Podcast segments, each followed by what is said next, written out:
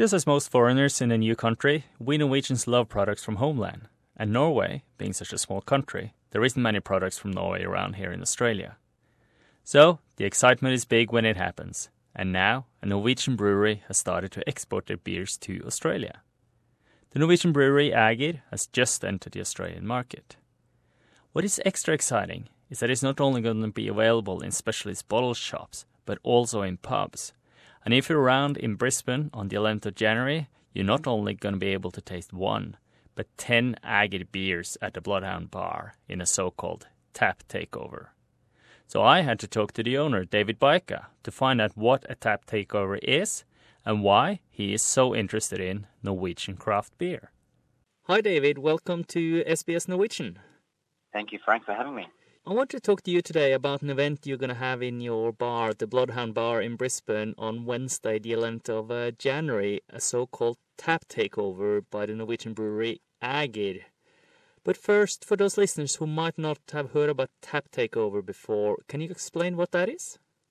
Absolutely, yes. So, um, um, a tap takeover, in essence, is an event when a brewery showcases their beers outside of their own brewery by taking over the taps at a venue. So that's a tap takeover. So um, Ægir are obviously from Norway. They've uh, uh, sent some beers over here to Australia. We uh, are putting on an event for 10 of their kegs in one go. We have 10 taps at Bloodhound Bar and it takes over the taps and all taps will be Ægir um, for that evening. That sounds uh, really exciting. Mm. Why by Ægir? Were they approaching you, or did you approach them, or how did this all this happen? So um, Ægir have exported from Norway to Australia a shipment of their beers. I believe it's for the first time that they have done this, but I'm not 100% sure. We were fortunate enough to hear about this shipment quite at an early stage. So we were able to negotiate 10 different kegs from that shipment for us. And I believe we were able to get the largest amount of the beers um, or the different beers uh, out of anyone in Australia. With some of these uh, breweries, Ægir is not a very huge brewery. It's probably what you would call like a medium, uh, micro or medium size. But they've decided they want to export, you know, all the way to Australia, which is obviously quite a way away. That doesn't happen often. So we jumped at the chance to try and showcase something that's from a very far away place obviously from a very beautiful place, Norway, and we wanted to yeah just showcase what, what people are doing over there. So, do you have any other experience with the Norwegian beer, or what, what, what was it that really sort of triggered your yeah. interest in doing Ægir and uh, Norwegian beer? I've been to Norway a couple of times myself. I really love the country, and beer-wise, I have got a fair bit of experience with uh, which is a, another brewery. They're probably the most famous Norwegian brewery here in Australia and probably around the world as well. They have been around for a number of years and they produce very high quality craft beer. For most people, that's the way into Norwegian beer. And from then, we, we, we know of a couple of others like Lervig and also Ægir. Talking about uh, Ægir's beer, uh, have you tasted any of them yourself? I have not. So we're uh, we're all you know new experience together over here. So we're we're very excited to see what they actually taste like. They come highly recommended. You know, as far as reviews online, they they have also collaborated with a couple of uh, very high profile breweries already. So that gives a very strong indication that you know, through these collaborations that they are the real deal, that they know what they're doing and that they can brew amazing beer. Otherwise, these other brewing companies from UK and the US would probably not, you know, collaborate with them on a certain beer. So yeah, we've got high expectations, not high expectations, probably not the right word, but um, we're, you know, very excited, very excited about um, what's what's going to be coming over. And uh, since you haven't tasted any of the Ægir's beer, I can't ask you if you have a personal favorite of theirs. But uh, do you have a personal favorite among uh, Norwegian beers? I do, yeah. Um, there's uh, so there's one from Nøgne It's called Sunturn Brew, and um, it's a very interesting beer. It's brewed once a year, and it's brewed on the shortest day of the year.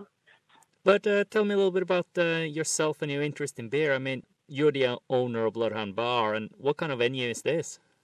Yeah, sure. Yes, I'm co-owner uh, of, of Bloodhound Bar, and it's um, we're we're a small to medium beer focused bar.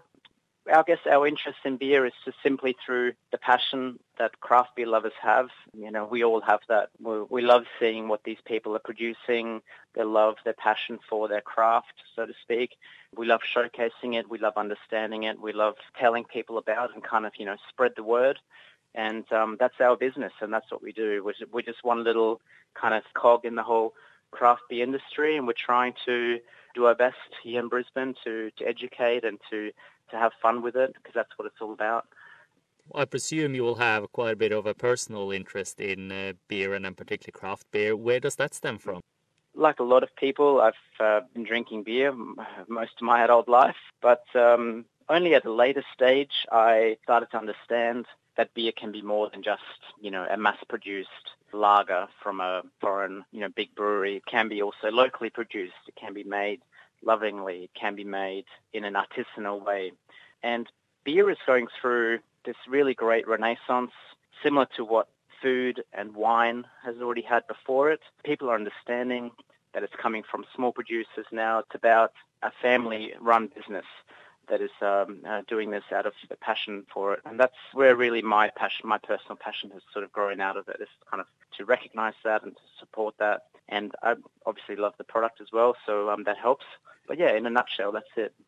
Back to your uh, tap takeover on uh, Wednesday, 11th of January by Ægir. Uh, do you have any anticipation for having Norwegians coming to visit because it is Ægir Brewery now? Ah, I think so. Uh, there's there's already been um, a good response from some Norwegians for it. I definitely think it will draw some interest from the Norwegian crowd. We haven't particularly made an effort to market it as such. It's open, obviously, to everybody, but I, I absolutely um, think that there'll be a good Norwegian contingent there on the night. Yes. And uh, if some people doesn't have the chance to come on the night, will in case they're not sold out, would some of the beer still yeah. be lingering around on your taps? Yeah, absolutely. So with uh, with 10, 10 kegs of beer, that's a lot of beer. We definitely won't be selling it all on the night.